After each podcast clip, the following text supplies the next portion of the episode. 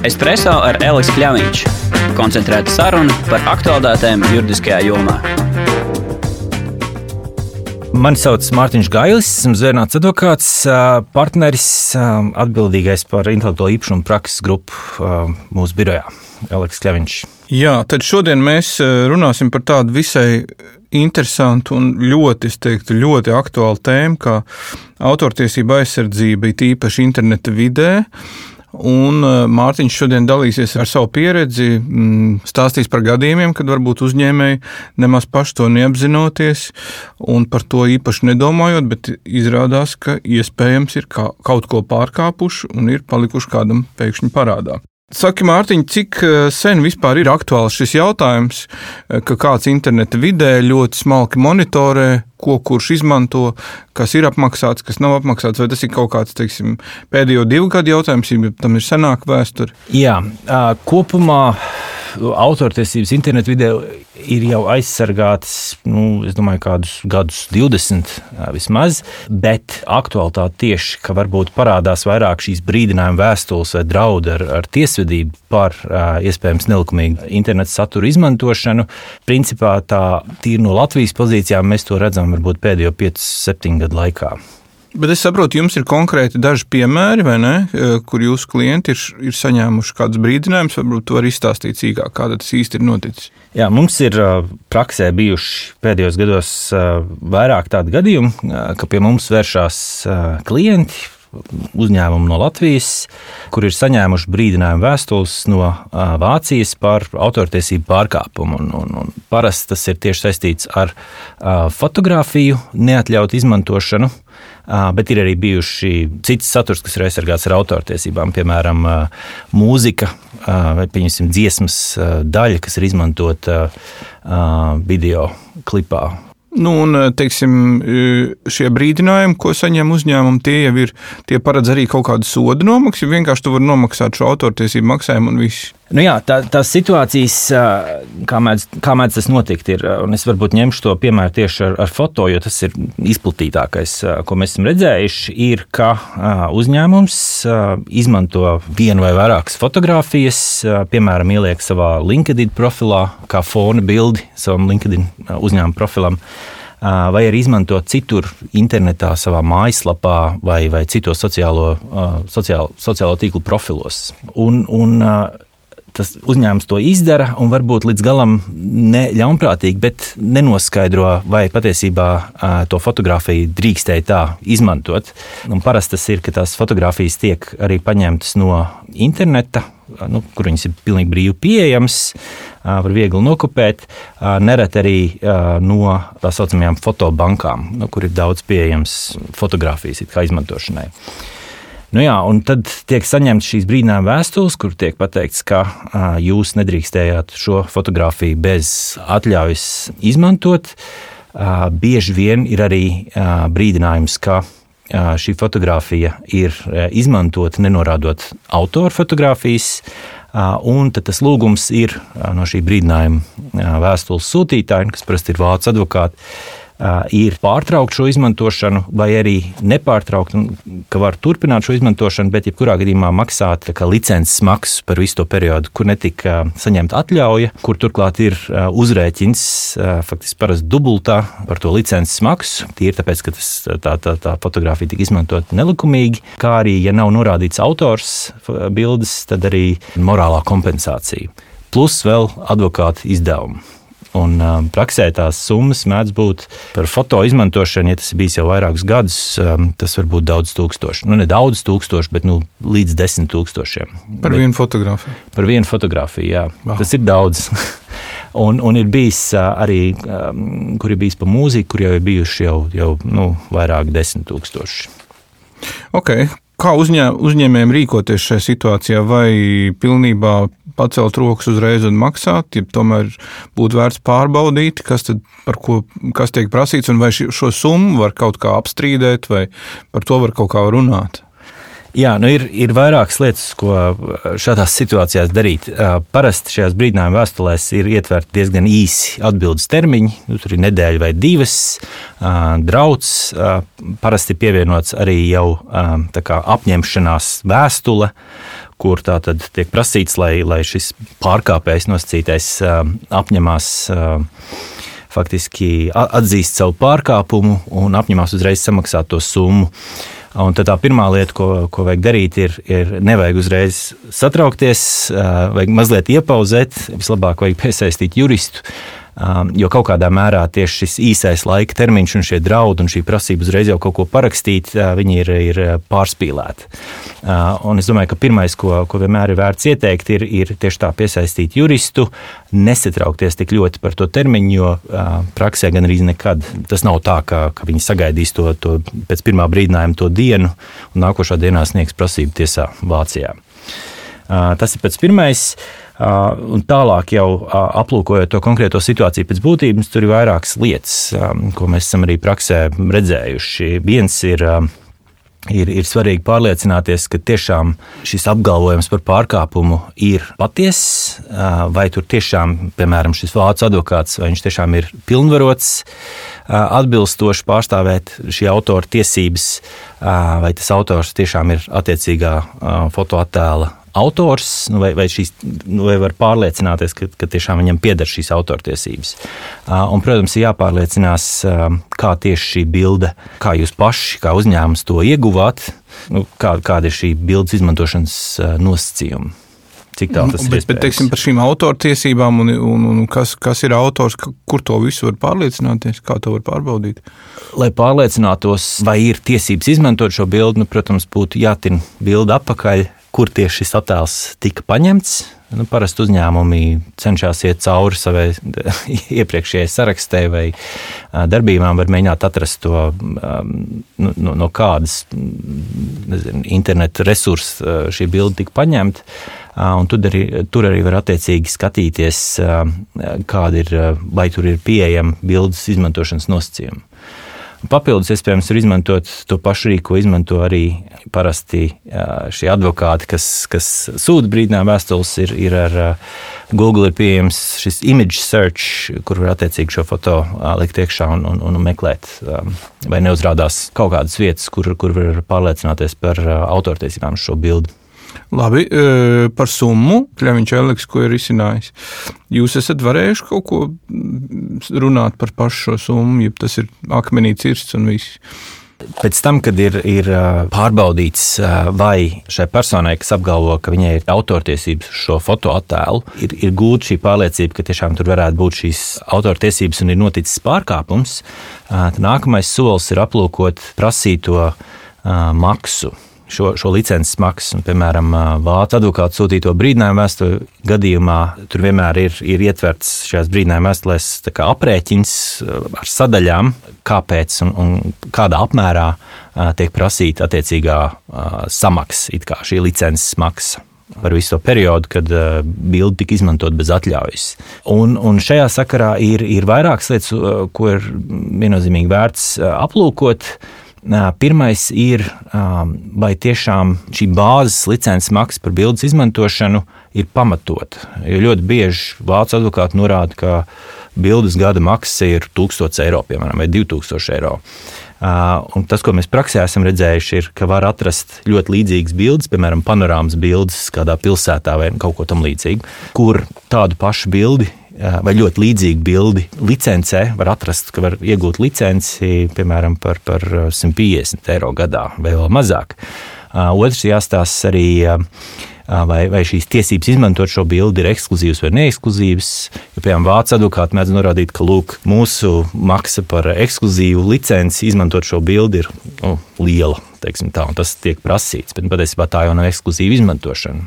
Ne jau tu esi vienīgais, kas to izmanto. Uh, Um, tas ir viens. Otrs ir uh, vērts arī skatīties par teritoriju. Uh, mēdz atšķirties licences maksas valstīm, uh, kur šī bilde tiek izmantot. Nu, piemēram, Vācijā var būt uh, šī maksa lielāka nekā, piemēram, Latvijā. Latvijā ir daudz mazāk iedzīvotāji.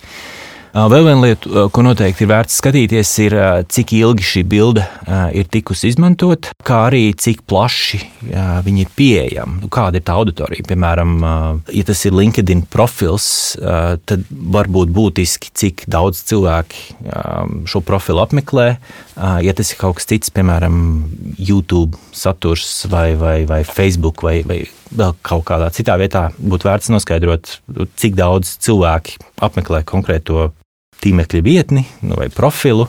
Um, ja uh, šis skaits ir samērā mazs, tad iespējams tā licences maksa ir nesmierīgi augsta. Bet, teiksim, jūsu gadījumā šajos jums izdevās samazināt to prasīto? Ja?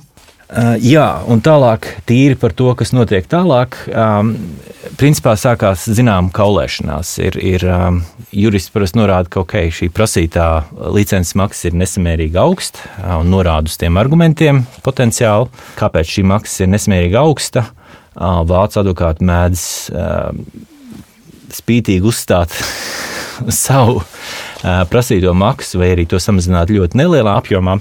Bet uh, kopumā, uh, cik tālu uh, šī prasītā summa objektīvi ir pārmērīga, teiksim, tā, nav nepieciešams piekāpties. Jo, jo vācu advokāti arī saprot, ka, ja viņi vērsīsies tiesā ar, ar nesmierīgi augstu šo licences maksas prasību, um, viņiem visdrīzāk tas neizdosies. Faktiski tas ir tāda, tāda psiholoģiska cīņa, kur viņi mēģina dabūt lielāku to maksu, un, un atkal uh, izmantotājs uh, cenšas, protams, samazināt.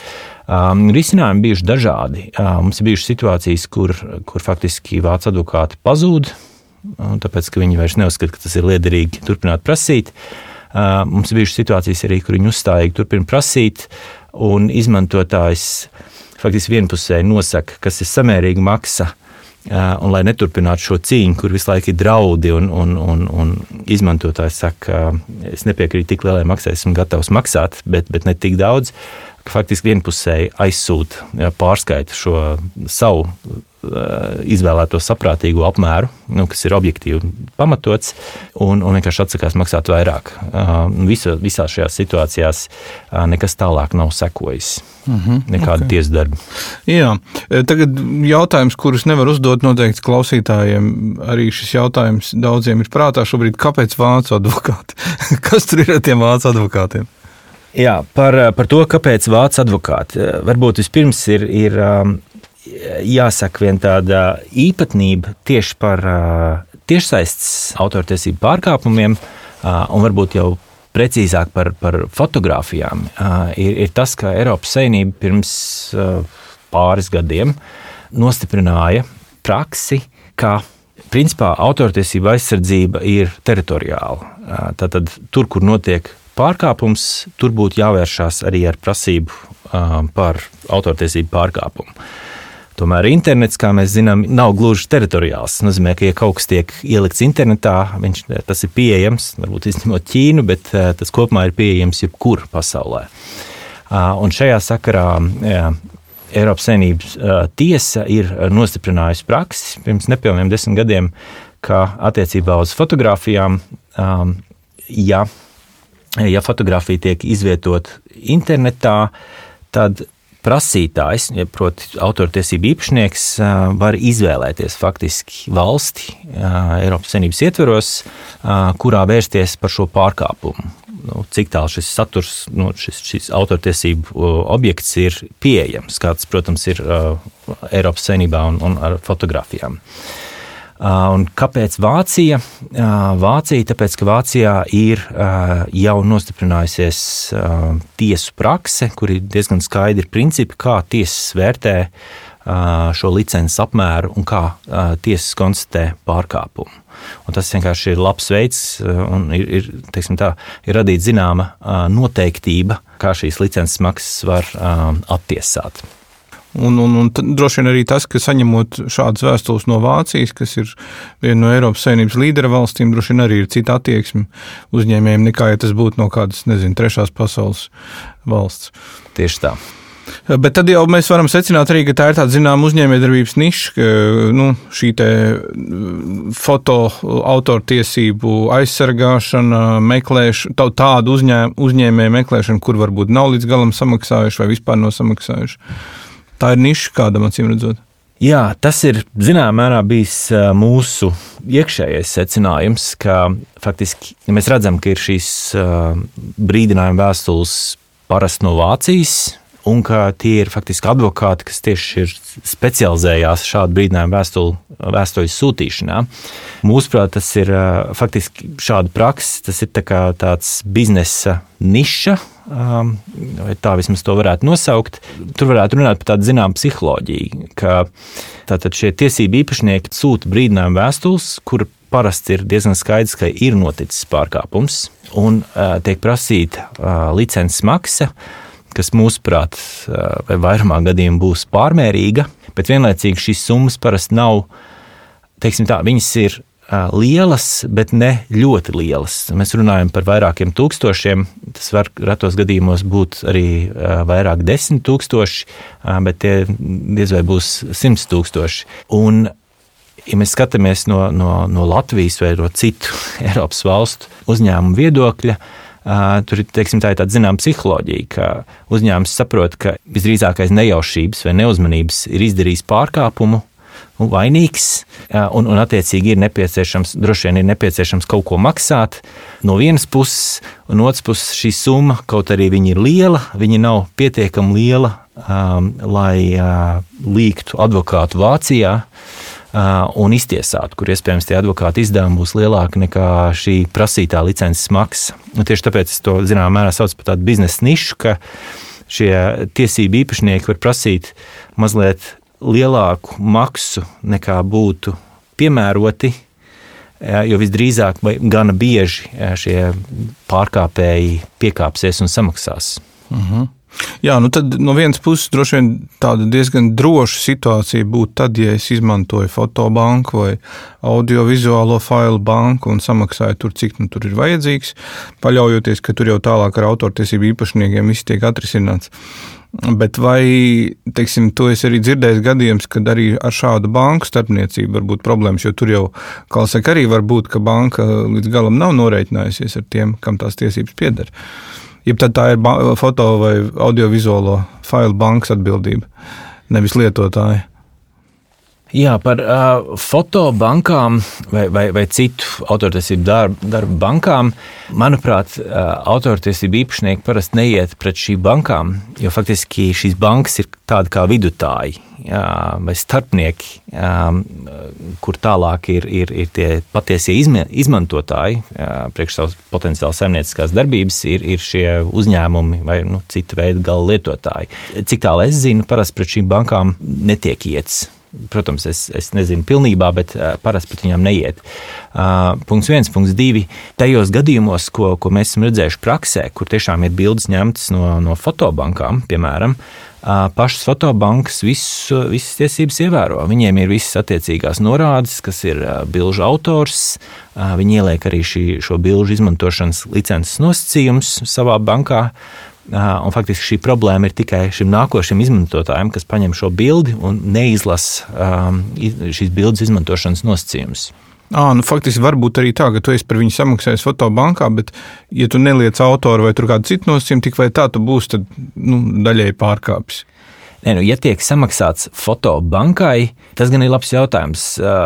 Ko nozīmē maksāšana fotobankai. Tur, tur noteikti būtu jāpārliecinās, vai tas tiešām ietver samaksu par, par autortiesībām, un vai tiešām fotobanka ir bildes autora pārstāvs, kurš ir tiesīgs faktiski izsniegt šo, šo licenci. Jā, paldies, Mārtiņ, bet saki, kā rīkoties Latvijas satura veidotājiem, fotogrāfiem un citiem, lai aizsargātu savas tiesības internetā? Protams, ieteikums eh, ir, ir, ir ļoti jauki dzirdēt eh, par to, kā citu valstu autori aizsargā savas tiesības un, un arī vēršās pret pārkāpējiem, vai tie būtu apzināti pārkāpumi vai, vai aiz nejaušības pārkāpumi. Bet, protams, arī Latvijas autoriem, vai tie būtu fotografi vai, vai citi satura autori, ieteikums ir vienmēr pastāvēt par savām tiesībām. Un, attiecībā, piemēram, uz bildēm, jā, ir labs jautājums, vai mums ir šādi pārstāvji. Bet kopumā tas arī būtu veids, nu, ja, ja ir šīs autortiesības, es nezinu, vai mums Latvijā ir, ir, ir līdzīga biznesa, kā ir šis Vācijas bizness. Bet kopumā jā, arī Latvijas autori, ja redz, ka viņu bildes, tad, tad autortiesības uz, uz viņu bildēm tiek pārkāptas internetā, var vērsties pie jurista un lūgt palīdzību. Un, principā, tieši tāpat kā šo vācu advokātu gadījumā, ir iespējams arī no Latvijas sūtīt faktiski jebkur, uz jebkuru valsti brīdinājumu vēstules un prasīt nu, saprātīgu atlīdzību. Jā, e, situācijas acīm redzot, šeit par cik tā joma ir tik plaša un dažādi veidi failus izmanto, izmantojam ikdienā, tad tur droši vien to, to situāciju var būt ļoti daudz, bet acīm redzot, tas pamatprincips, e, izmantojot e, ar autortiesībām aizsargāt informāciju, vienalga kādā tā būtu izskatā, būtu tomēr pārliecināties, kas no autora puses vai viņa pārstāvja puses tiek prasīts, vai kāda samaksa vai obligāti atsauc vai vēl kaut kāda nosacījuma, un to tos ievērot. Taču, ja kaut kāda brīdinājuma ir saņemta, tad, kā Mārtiņš jau teica, Visdrīzāk, ka nevajadzētu uzreiz steigties maksāt, bet tomēr pamazām risina, ritināt to situāciju uz atpakaļ, noskaidrojot, kad un kā šis fails tika iegūts un ko tad ar to šobrīd var iesākt un cik pamatot ir prasītā summa. Espreso ar Elisu Kļāviņš. Koncentrēta saruna par aktuālitātēm juridiskajā jomā.